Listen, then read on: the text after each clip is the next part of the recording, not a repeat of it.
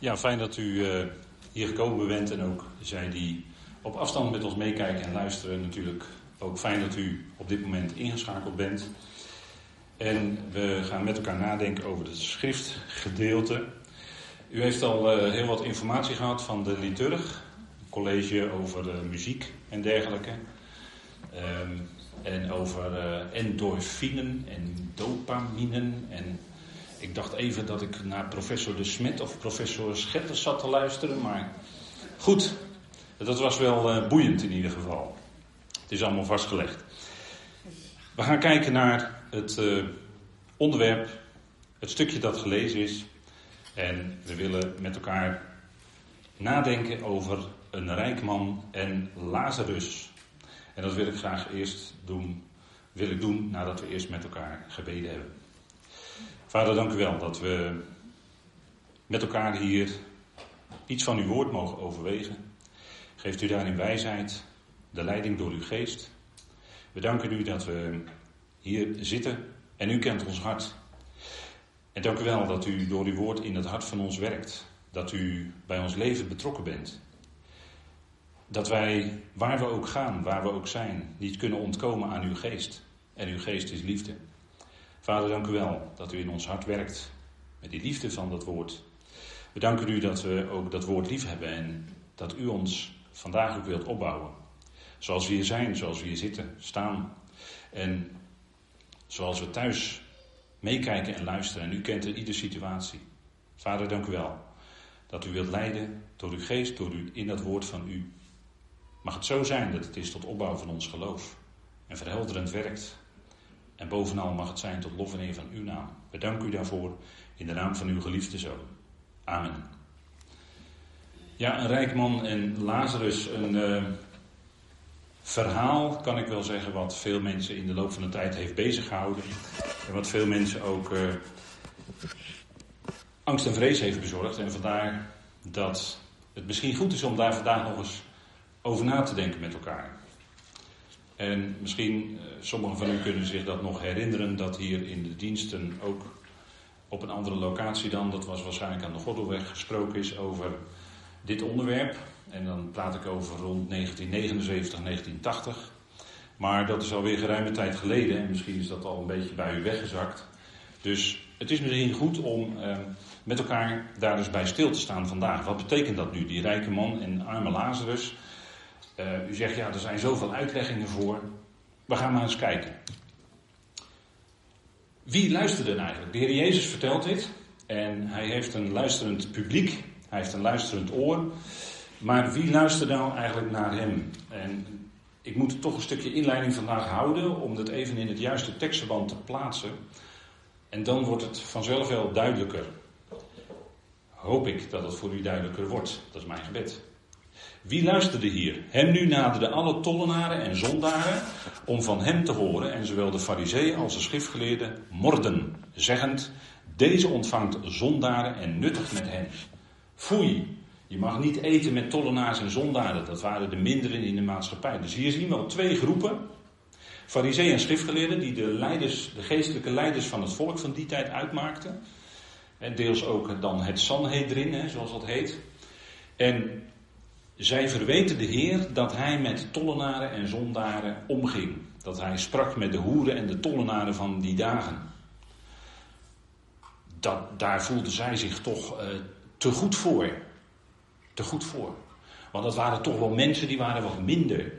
Die hielden zich niet in alles aan de Torah, aan de wet. En zo achten zij zichzelf rechtvaardig. Dus hier zien we eigenlijk in deze eerste versen die twee groepen waar de Jezus zijn woord tot richtte. En ik denk dat dat belangrijk is om dat mee te nemen. Lucas heeft dat natuurlijk niet voor niets opgetekend, want er staat geen woord voor niets in de schrift. Daar zouden we nauwkeurig mee omgaan. En hij sprak tot hen een gelijkenis. Het Griekse woord is parabel. En men zegt vaak van dit gedeelte, het gaat hier om verschillende parabelen dat is het meervoud, parabelen. Gelijkenissen, dat is een wat bekender woord voor u, denk ik. Het Griekse woord is parabel. En dat had een bedoeling. wat was nu de bedoeling waarom de Heer sprak in gelijkenissen? Waarom deed hij dat?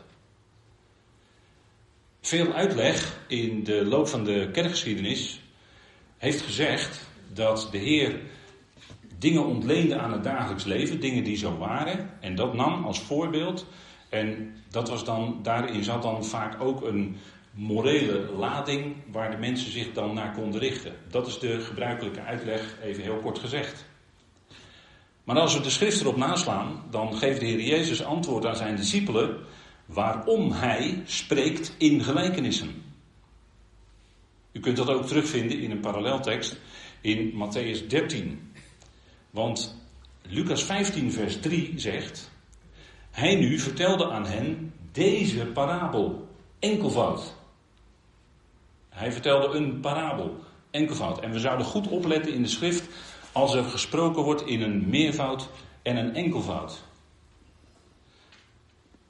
Dat is in de regel ook een rekenkundig meervoud. Dus hij vertelde een parabel. En de discipelen, in Matthäus 13 is dat nog ietsje duidelijker, maar dit is een parallelgedeelte. Daar vragen de discipelen aan hem, waarom spreekt u tot hen, tot de scharen? Want hij was in Matthäus 13 van het land afgegaan in een scheepje en hij zat op het water. Dat is allemaal symboliek, maar goed, daar gaan we nu even niet op in. Maar dan vragen ze aan hem, waarom spreekt u tot hen in gelijkenissen, tot die menigten? En dan zegt hij, hij nu zei, in Lucas 8, vers 10, dus dat is hetzelfde verslag. Aan jullie is het gegeven de geheimen van het koninkrijk van God te kennen. Dat is de discipelen die bij hem waren. Aan de overigen echter, de menigten die luisterden, in parabelen, opdat zij ziende niet zien en horend niet begrijpen. Dus de Heer Jezus sprak met een specifieke bedoeling in gelijkenissen tot de menigten. En dat had dus niet de bedoeling om iets bekend te maken zodat iedereen het direct kon begrijpen. Nee, hij zegt dat het is opdat het voor hen verborgen wordt. En dan spreekt hij bijvoorbeeld in Matthäus 13, dat kunt u hiernaast leggen, over de geheimenissen van het koninkrijk der hemelen. Dat is het koninkrijk wat naar Daniel beloofd is in Daniel 2, vers 44, wat uit de hemelen op de aarde zou komen. Daar gaat Matthäus 13 over. Heeft alles te maken met Israël en secundair ook de volkeren. Maar het heeft niets met u en mij als leden van het lichaam van Christus te maken. Hij verborg in gelijkenissen. En dat was dan een vervulling, en dat haalt hij ook aan, van de profetie van Jezaja, Jezaja 6. Opdat zij ziende niet zien en horend niet begrijpen. En dan citeert Lucas hier letterlijk Jezaja 6 vers 9. Dat is wat de Heer doet. Dat zegt hij ook, hè. En dat is duidelijk, denk ik. Maar voor de menigten werd het dus verborgen. En dan sprak hij over die, bijvoorbeeld een gelijkenis, de zaaier ging uit om te zaaien. En zegt hij, ja, maar dat is toch ontleend aan dagelijks leven. Ja, maar het betekent heel wat anders. Want die akker waar dat zaad in kwam, was de wereld. En dat zaad was het woord van het koninkrijk. Dus hij sprak in een gelijkenis, maar het betekende eigenlijk wat anders. Hij moest het privé aan zijn discipelen uitleggen wat het betekende. Zo ook Lucas 15 en 16. Hij sprak één gelijkenis. En die gelijkenis blijkt uit elkaar te vallen in vijf delen. Het verloren schaap, de verloren penning, de verloren zoon, de rentmeester en een rijk man, Lazarus. En dan zijn we waar we vanmorgen willen komen. Het verloren schaap wat wordt daarin uitgebeeld? Even heel kort resumerend. De liefde voor de zondaar ten opzichte van de fariseeën. Kijk, die fariseeën, dat zijn eigenlijk die 99 schapen die van zichzelf vonden dat zij rechtvaardig waren. En dat, is, dat was Israël niet allemaal natuurlijk, maar deels was Israël dat onder de wet. Zij achten zichzelf rechtvaardig. Met name de fariseeën en schriftgeleerden. Want zij hielden zich toch aan de wet, althans voor het gezicht. Hè? De Heer Jezus prikte daar natuurlijk doorheen. Leest u maar na in Matthäus 23. Die prikt daar doorheen. Maar ze achten van zichzelf dat ze rechtvaardig waren. Je kunt dat ook nalezen in een andere gelijkenis in Lucas 18. Het verloren schaap, de liefde voor de zondaar. Er is in de hemel vreugde over één zondaar die zich bekeert. Dat is geweldig.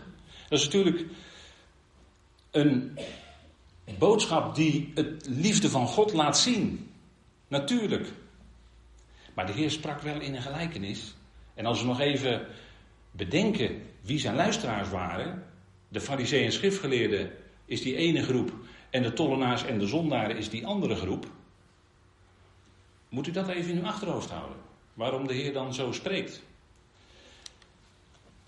Dan die tweede is de verloren penning.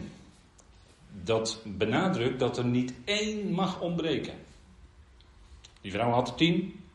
Ze was die ene kwijt. En wat was ze blij dat ze die ene weer vond. En dat is natuurlijk prachtig om aan je kleinkinderen voor te lezen. Maar dat wil zeggen, kijk, het gaat om die ene zondaar. Die zichzelf niet kan redden, die hopeloos is en die moet gevonden worden.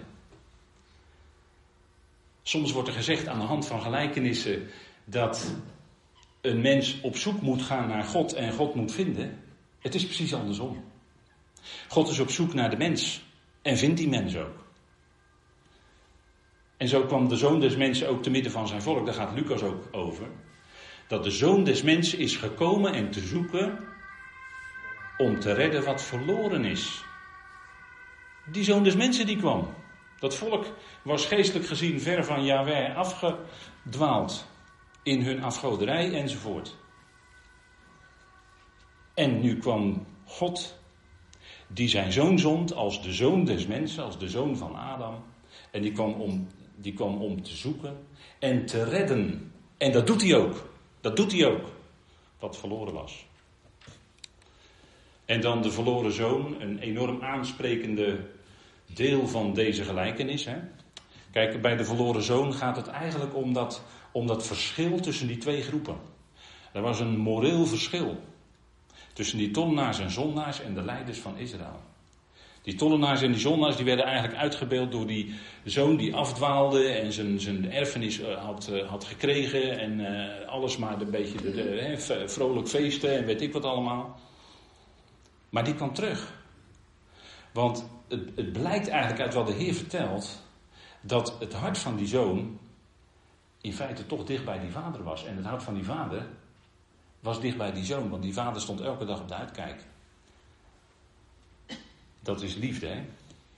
Die vader stond elke dag op de uitkijk, komt hij er al aan.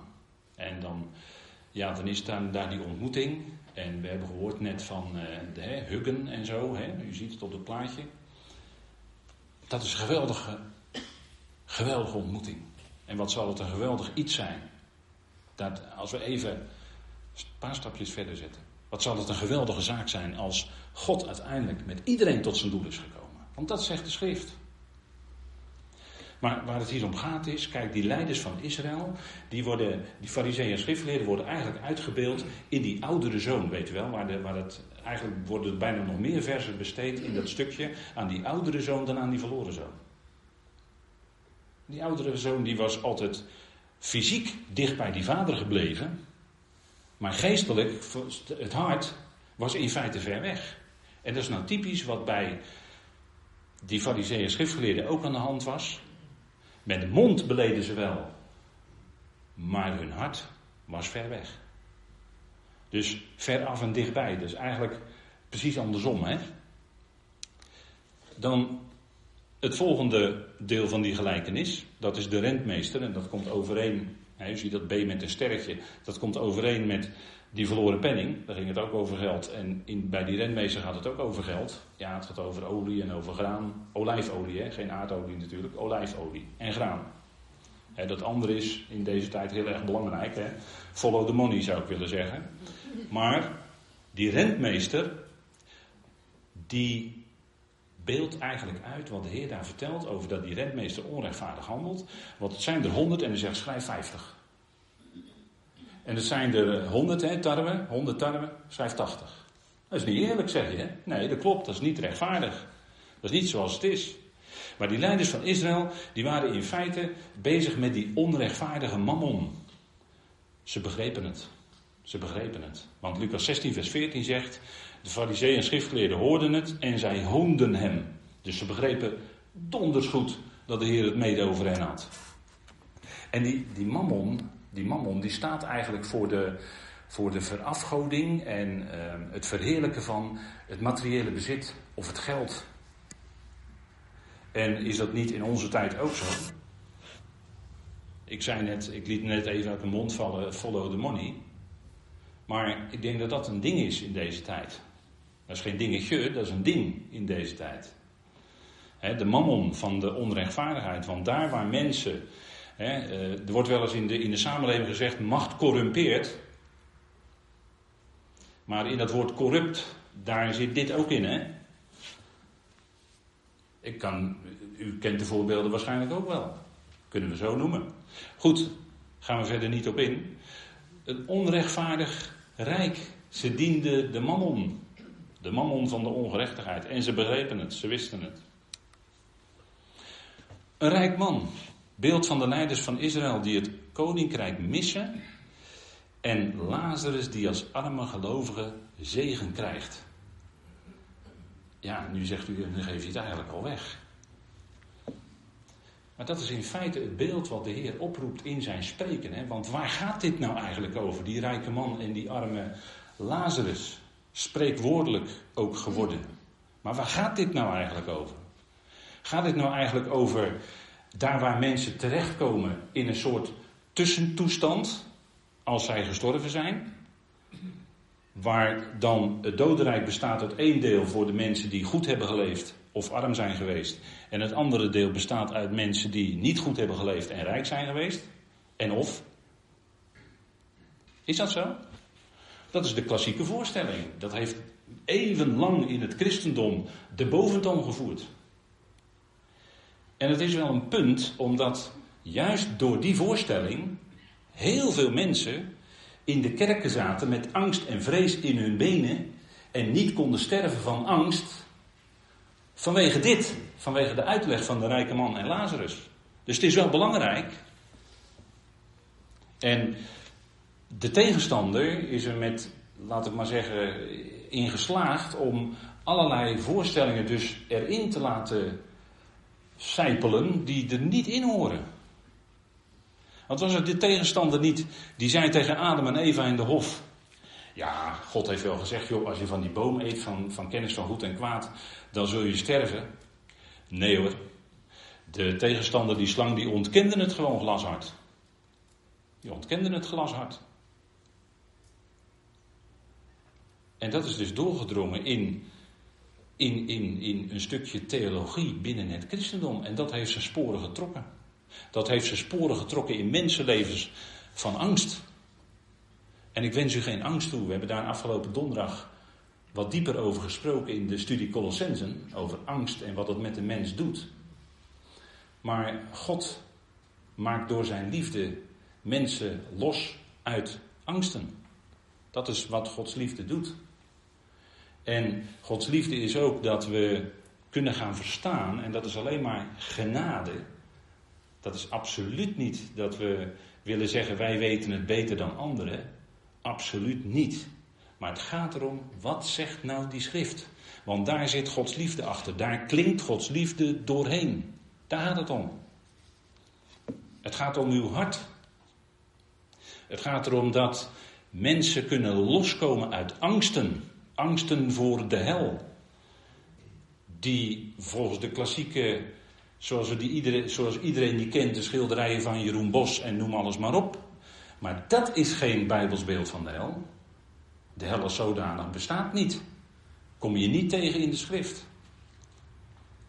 De Heer Jezus die zegt, een zeker mens nu was rijk en kleedde zich in purper en batist en was dagelijks stralend en blij. En omdat hij het inlet met een zeker mens nu, weet je eigenlijk al dat het een gelijkenis is. Want dat doet hij wel vaker. Maar daar moet u wat studie voor doen in de schrift om daarachter te kunnen komen. Als je dat zo inleidt, dan wist de hoorder in die tijd dat nu komt er iets waarin de Heer via een beeld of via beeldspraak iets duidelijk gaat maken. Dat wisten ze.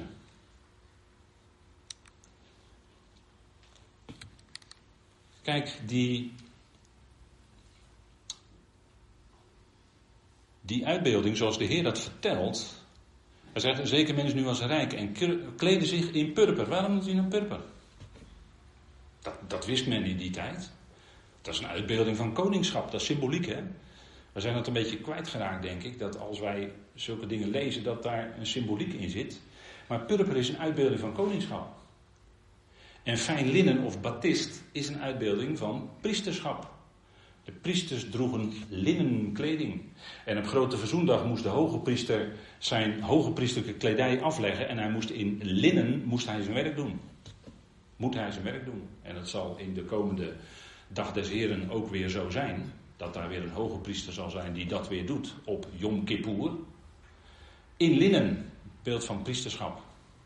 En dat was ook de roeping van Israël. Israël is als volk geroepen om een koninklijk priesterschap te zijn. Zij zijn degene die lichtdragers zijn en weer zullen zijn, zeker in de komende tijd, waarin zij de volkeren de leringen van Jahweh duidelijk maken. En daarin zijn ze priesterlijk bezig, want zij brengen dan de volkeren naar Jahweh toe, naar hun God. Jahweh, ik ben. En zij zullen ook koningen zijn. Zij zullen met David en met Christus regeren over de volkeren, koningschap. Dat is de toekomst van Israël. Dat is dat volk wat voortgekomen is uit de aartsvaders Abraham, Isaac en Jacob. Over dat volk hebben we dan. Wij niet, u en ik niet. Wij horen bij het lichaam van Christus. Wij zijn geen koning en priesters. We zullen dat ook niet zijn. Daar zijn natuurlijk allerlei gedachten over, maar dat is met de rijke man en de arme Lazarus ook zo. Er zijn allerlei uitleggingen over. Maar volg je de schrift, dan wordt dit van Israël gezegd en niet van het lichaam van Christus. Dat zijn gewoon twee lijnen in de schrift en die houden wij vast. Er was nu een zekere arme met de naam Lazarus. Dan krijg je de tegenstelling, hè? rijk en arm. En de Heer werkte vaak met tegenstellingen. Een rijke tegenover die arme. En dat leidt hij ook in met er was een zekere arme.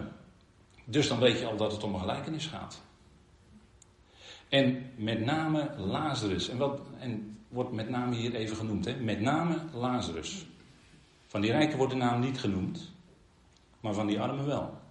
En Lazarus betekent, dat is heel mooi. Dat betekent El Azar. Dat betekent, uh, u hoort daar Azar. Maar je kunt ook zeggen Ezer, Ezer. Dan is het helper. God helpt. En is dat niet zo dat het in uw en mijn leven gebleken is? God helpt. God is je steun en toeverlaat. God draagt je. Je hoeft het niet zelf te doen. Kijk, dat helpen wil niet zeggen, ik moet 80% doen en God doet 20%, of andersom. Nee, dat helpen wil zeggen dat God alles doet. Want we zijn in alles van Hem afhankelijk. Iedere ademhaling die u en ik doen, is door God gegeven. Als God zijn geest zou terugtrekken, staat in Job, dan zou de hele mensheid gelijk sterven. Zo groot is God. Hij houdt u in leven als het gaat om uh, bazaal ademhalen, om het zuurstof wat via het bloed door ons lichaam stroomt. En dan zijn er allerlei stofjes zoals, hè, dat hebben we net gehoord, die dan een bepaalde functie hebben en bepaalde, in je in een bepaalde stemming kunnen brengen. En je hebt ook nog hormonen en al dat soort, soort dwarsstraten. Maar dat is een menselijk lichaam, dat houdt God in stand, heeft God gemaakt met een schitterend immuunsysteem. En ik wil er nog iets aan toevoegen. Neem veel vitamine D of D3. Is goed voor je. Vitamine C, sinaasappels eten, kiwis, uh, uh, aanvullingen. Dat is hartstikke goed voor je immuunsysteem. Gewoon prima. Daar kun je het mee doen. Daar kom je de winter mee door. Er was een zekere arme met de naam Lazarus die bij zijn poort was neergeworpen, zweren hebbend en begerend verzadigd te worden door de kruimels die afvielen van de tafel van de rijken. Maar ook de honden kwamen en likten zijn zweren. Wat een akelig beeld, hè? En men denkt dan aan melaatsheid, maar dat is misschien toch niet het geval. Want melaatsen die moesten op een aparte plek, hè? die moesten ergens uh, in quarantaine, zeg maar, hè? in de rotsen, in, in, de, in de wildernis, ver weg, wat verder weg. Dus die waren een beeld van degene die eigenlijk wel wilde eten wat van die tafel viel. Want wat viel er nou van die tafel van die rijken? Dat waren de beheerders van de Torah en de profeten. De fariseeën en schriftgeleerden. Israël had een rijke tafel. En zij wilden daar wel die kruimels van eten. Want in Matthäus 15 daar ontmoet de Heer toch die vrouw. En die vrouw zegt, laat mij ook eten van de kruimels die van de tafel eh, vallen. Dat is hetzelfde beeld. Israël had een rijk gedekte tafel. En Jezaja moest bij gelegenheid Israël ernstig erop aanspreken dat wat op hun tafel moest liggen, lag er eigenlijk niet op. Er lag wat anders op. En er was geen plek meer voor de wet en de profeten. Laat ik maar zeggen, de tradities waren ervoor in de plaats gekomen. Zoals ze die nu nog hebben in de Talmud enzovoort.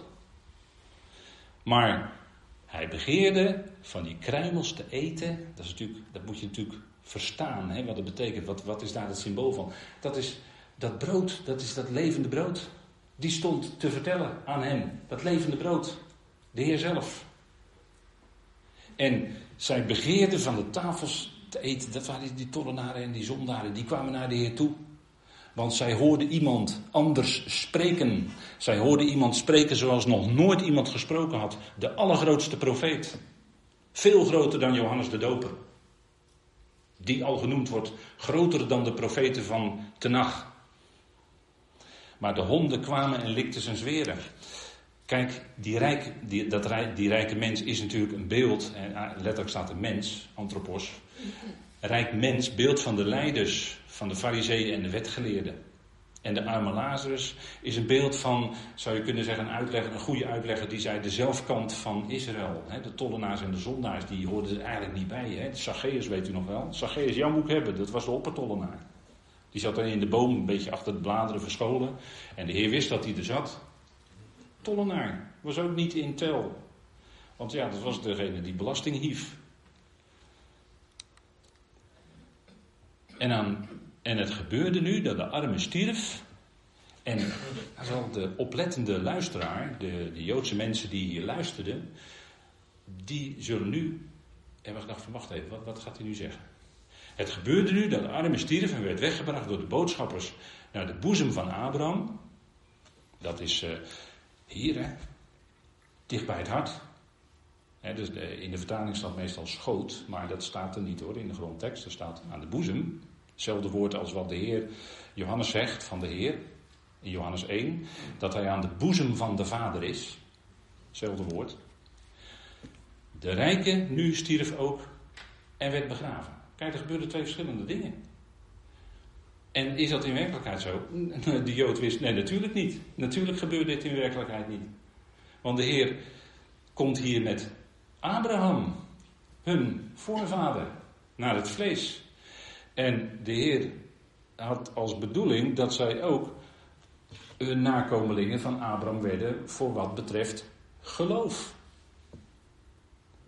Het gebeurde nu dat de arme stierf en werd weggebracht door de boodschappers. En het is even dan altijd de vraag: zijn dit nou mensen die boodschappers of zijn dat hemelse boodschappers? Omdat er engelen vertaald is, denken wij meestal direct aan hemelse boodschappers. Maar dat hoeft niet, dat blijkt hier niet.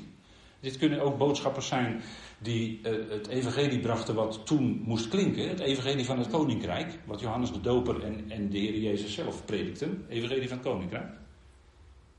Dat is een andere evangelie dan het evangelie van de genade, wat nu geldt trouwens.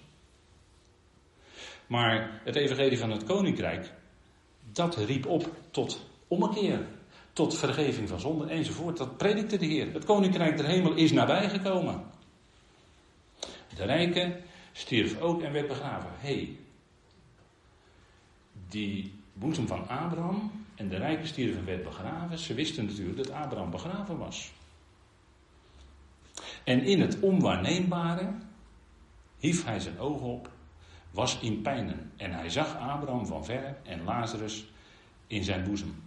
Dus hier ziet die rijke, die hier zijn ogen opslaat in het, de Hades. En de Jood wist, dat kan helemaal niet.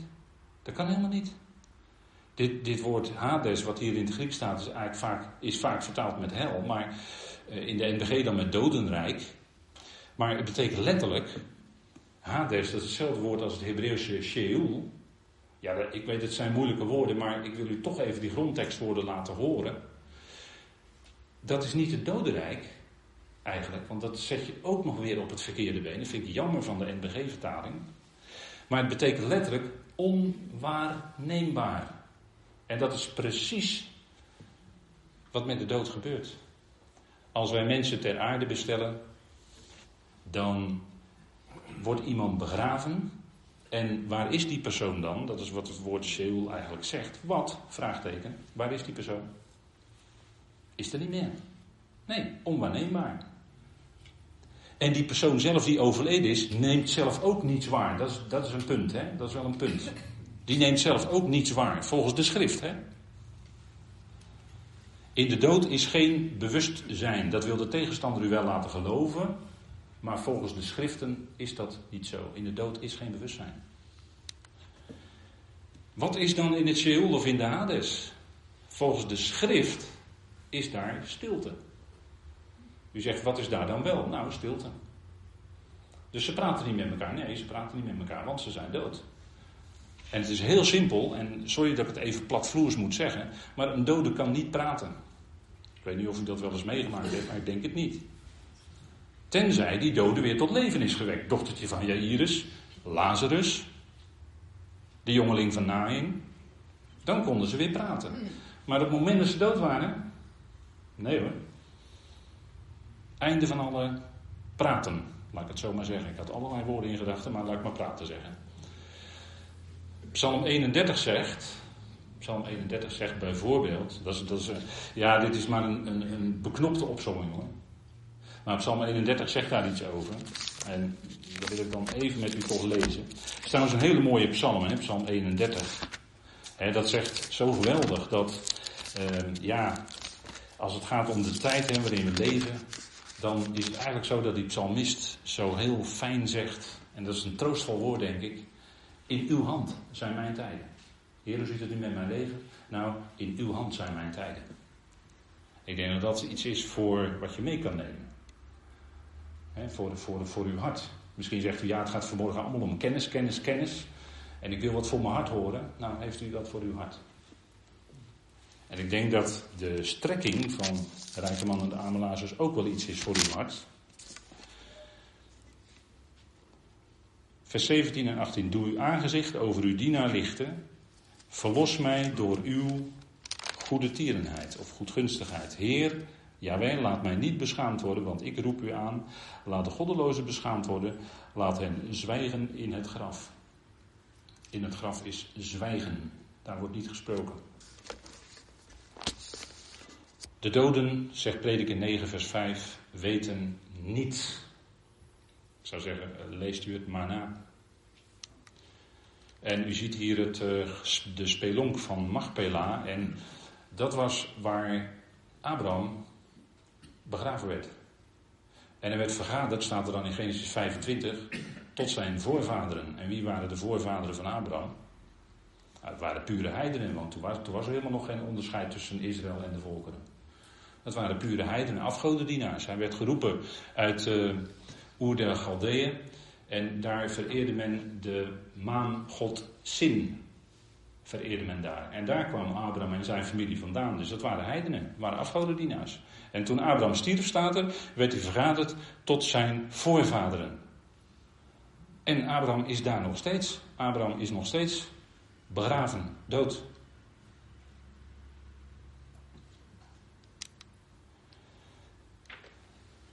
En u ziet hier het graf van Rachel, wat er ook nog steeds is.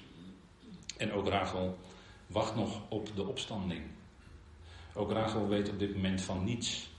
Die is buiten de tijd, zou je kunnen zeggen. Zo, net zoals Abraham. Net zoals de Heer Jezus zelf toen hij dood was, wist hij ook van niets. Tot het moment dat vader hem opwekte uit de dood. Dus wat is niet in het Sheol, kunnen we ook zeggen, net even kijken, wat is er wel? Nou, stilte. Wat is er niet? Dat is werk, overleg, kennis. En in deze gelijkenis, in deze, wat de Heer hier vertelt, is overleg tussen tussen uh, Abraham, de, de rijke, Lazarus. Het is overleg. Maar de prediker zegt dat er geen overleg is in het Sheol. In, in de Hades. Dus dat kan helemaal niet. Dus de Heer kan niet bedoelen dat er toch nog, hè, ineens, toch wel overleg blijkt te zijn. Nee, de Heer kende natuurlijk de schriften veel beter dan dat wij die kennen. En die wist, die wist dat natuurlijk. Geen overleg.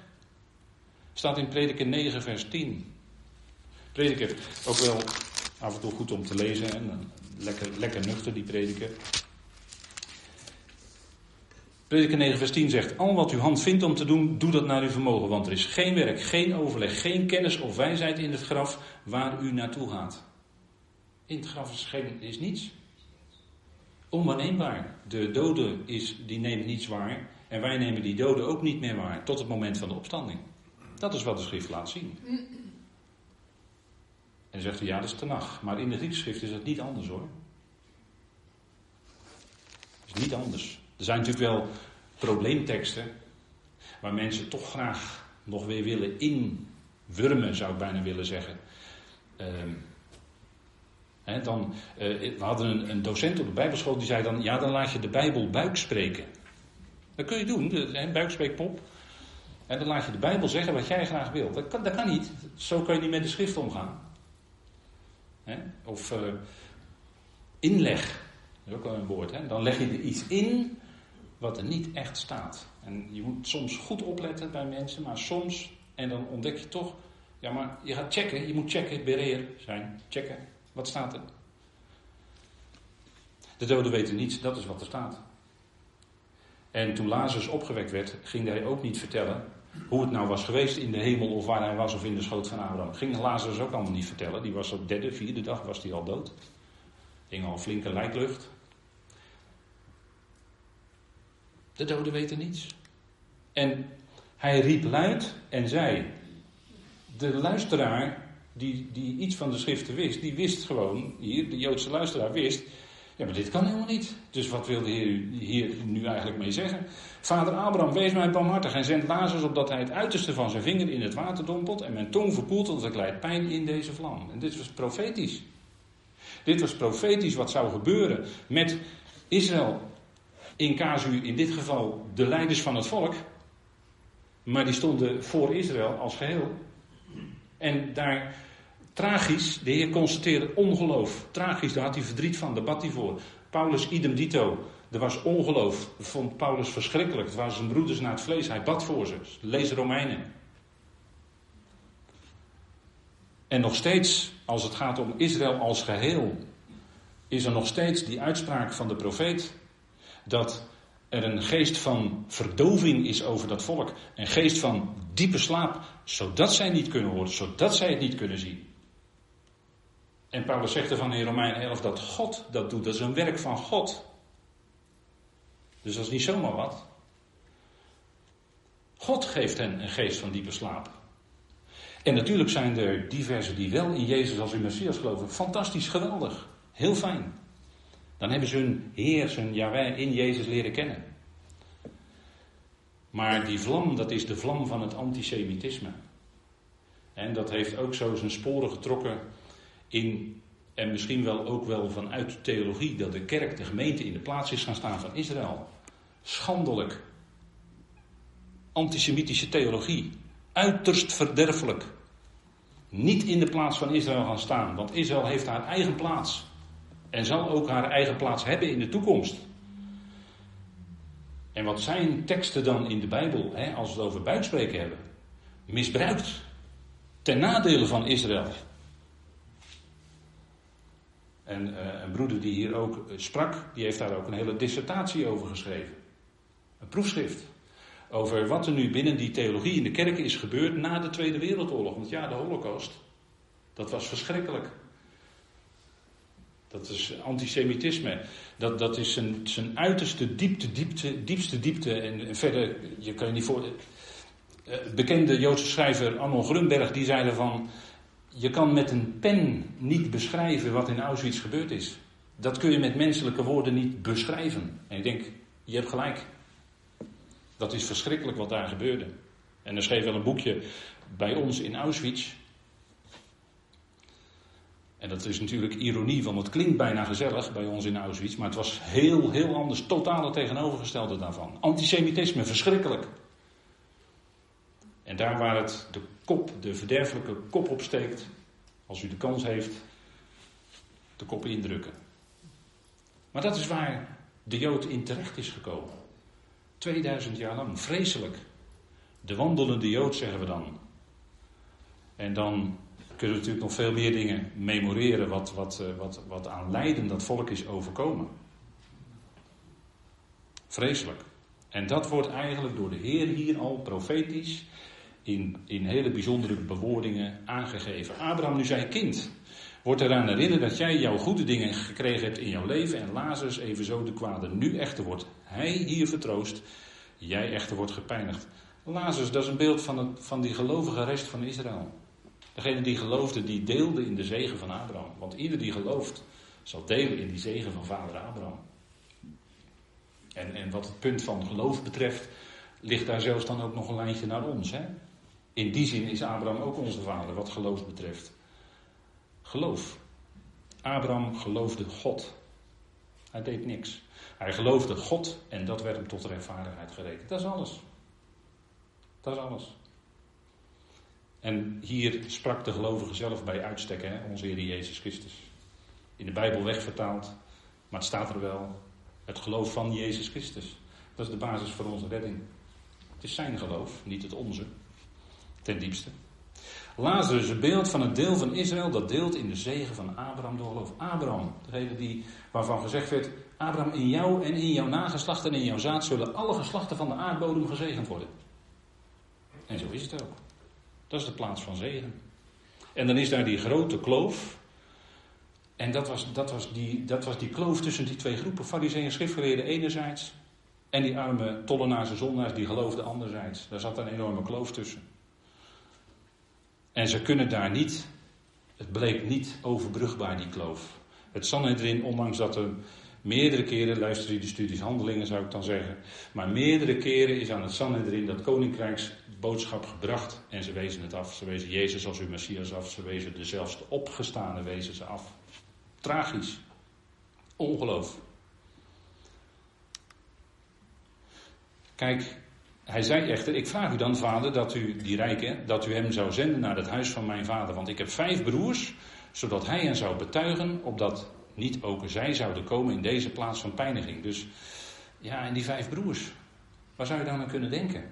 Misschien kun je dan wel denken, zegt een uitlegger, aan Juda. Dat het hier gaat om Juda, want de Heer sprak te midden van zijn volk, maar dat was grotendeels de teruggekeerde twee stammen uit ballingschap. Juda, Juda en Benjamin. En Juda had vijf broers van moeder Lea. U weet wel, Lea, dat was die met die tedere ogen, weet u wel. Geen fletse ogen, er staat er helemaal niet tedere ogen. Dat zegt iets over de karakter. Lea. Ruben, Simeon, Levi, Issachar, Zebulon. Dat waren de vijf broers van Juda. En misschien zou je daaraan kunnen denken. En de Heer voert die rijken dan hier weer al sprekend op om dat te vragen. En in feite zit daar ook een stukje profetie in, dat zullen we nog zien. En tot hem echter zei Abraham, zij hebben Mozes en de profeten. Laten zij van hen horen. Want ja, die fariseeën schriftgeleerden, de wetgeleerden, die waren juist bezig altijd met die wet en die profeten. Dat is nog van vandaag de dag nog steeds, hè? het hele jaar door de synagogelezingen. Jammer vind ik het dan heel mooi, maar ik vind het jammer dat ze dan Jezaja 53 en het boek Daniel overslaan. Dat vind ik dan jammer. Maar goed, ze, lezen, ze willen op die manier wel bij die schrift blijven. Dat is ook van God gegeven. Zij hebben Mozes en de profeten. Laten zij van hen horen. Maar wat zeiden die profeten? Jezaja 53. Wij allen waren als dwalende schapen. Dwalende schapen. Jezaja 53, vers 6. Maar er kwam er één, de leidende knecht van Yahweh, de Heer zelf, die zichzelf overgaf, die zijn ziel uitgoot in de dood. En dat betekende redding, dat betekende heil ook voor die dwalende schapen. Hij kwam en hij zei: Ik ben niet gekomen om te heersen, maar om te dienen. Dat is ook onze optie. Hè? Wat is nu een optie voor een gelovige in deze tijd?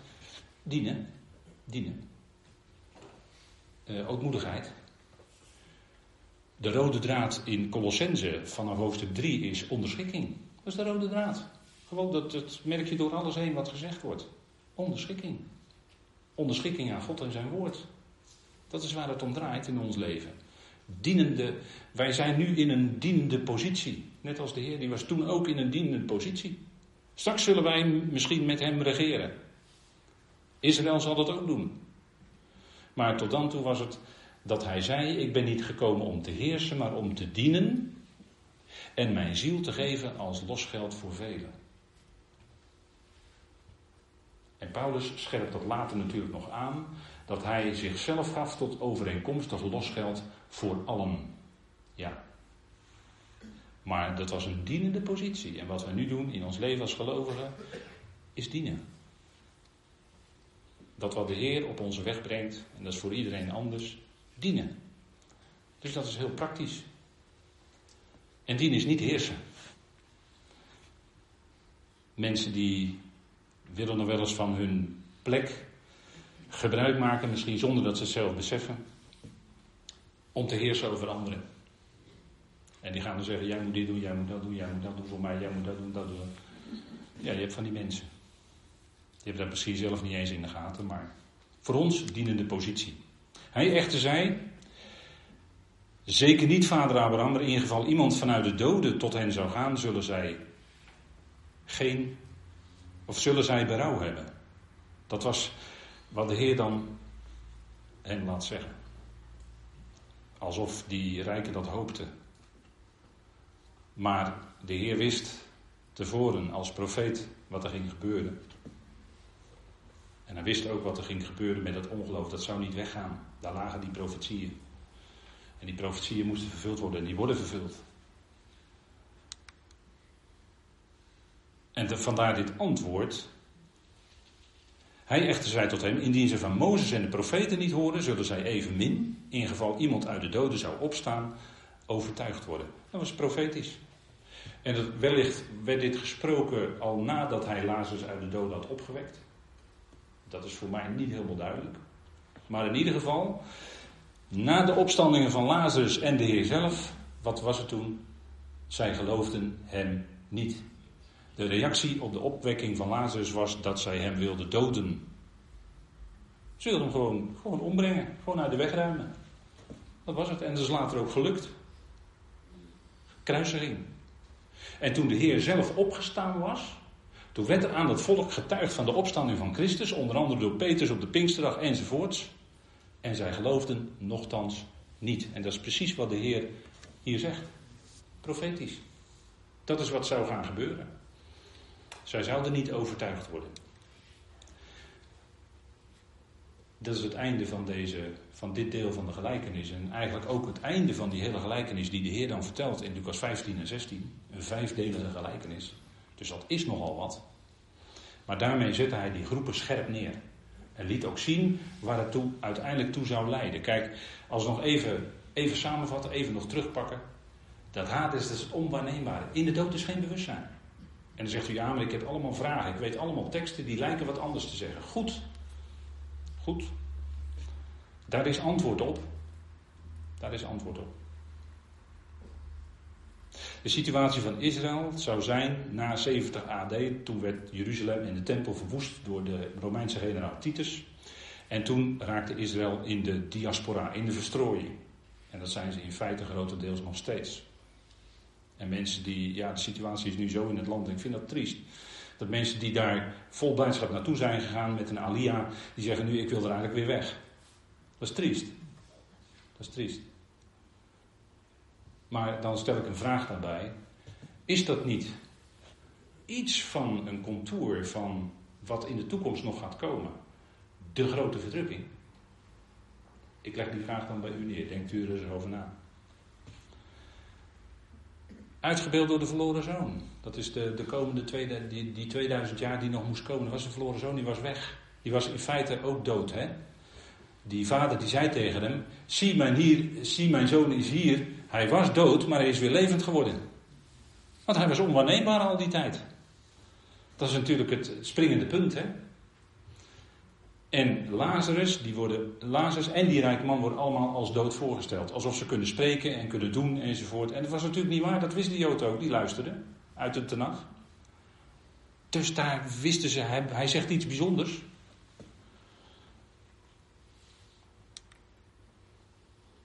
Gelijkenis, we hebben gezien, die zijn er om iets te verbergen. Die rijke man staat voor in feite de leiders van Israël.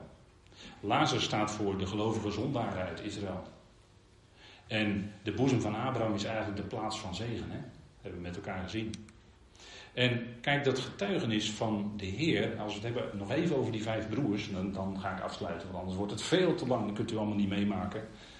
Getuigenis van Jezus als de Messias koning, dat ging uit naar Jeruzalem, Judea, Samaria, het uiterste van het land en later ook in de verstrooiing. hey, vijf momenten die nadrukkelijk genoemd worden in handelingen waar het getuigenis van het koninkrijk is uitgegaan. Het evangelie van de besnijdenis. Is dat misschien wat de Heer bedoelde met die vijf broers? Want hij gebruikt dan ook dat woord getuigen. Hè? Dus daar zit misschien ook wel een aanknopingspunt. Hè? Geef het u maar mee ter overweging. Hè? En uh, eigenlijk, ja, eigenlijk kunt u zijn als een uh. Tegenwoordig zeggen we factcheckers, weet u wel. Hè? Maar eigenlijk zou u moeten zijn als een bereer en deze dingen nazoeken. En als u het nog eens na wil lezen, dan hebben we een mooi boekje, wat al lang er is. De rijke man en Lazarus. En er liggen stapels van op de boekentafel. Dus ik zou zeggen, neemt u dit boekje mee, want hier staat het in. Een uh, goede samenvatting, denk ik. Er is genoeg, dus schroom niet en neem als u iemand, met iemand in gesprek bent die ook gelooft, dan denk ik dat het uh, leuk is misschien dat boekje mee te nemen. Joh, Jij wil daar meer over weten? Hier heb je het. Want ik vond het eigenlijk een beetje jammer, maar dat zeg ik tussen haakjes, dat er van zo'n boekje dan in de aker liggen hele stapels. En dat vind ik dan jammer. Dus ik denk, neem het mee. Er is voor betaald. Dus hebben mensen in geloof giften voor gegeven. Om dit uit te geven. Nou, dat willen we graag doen. Neem het mee. Goed, tot zover. Amen. En we zullen de Heer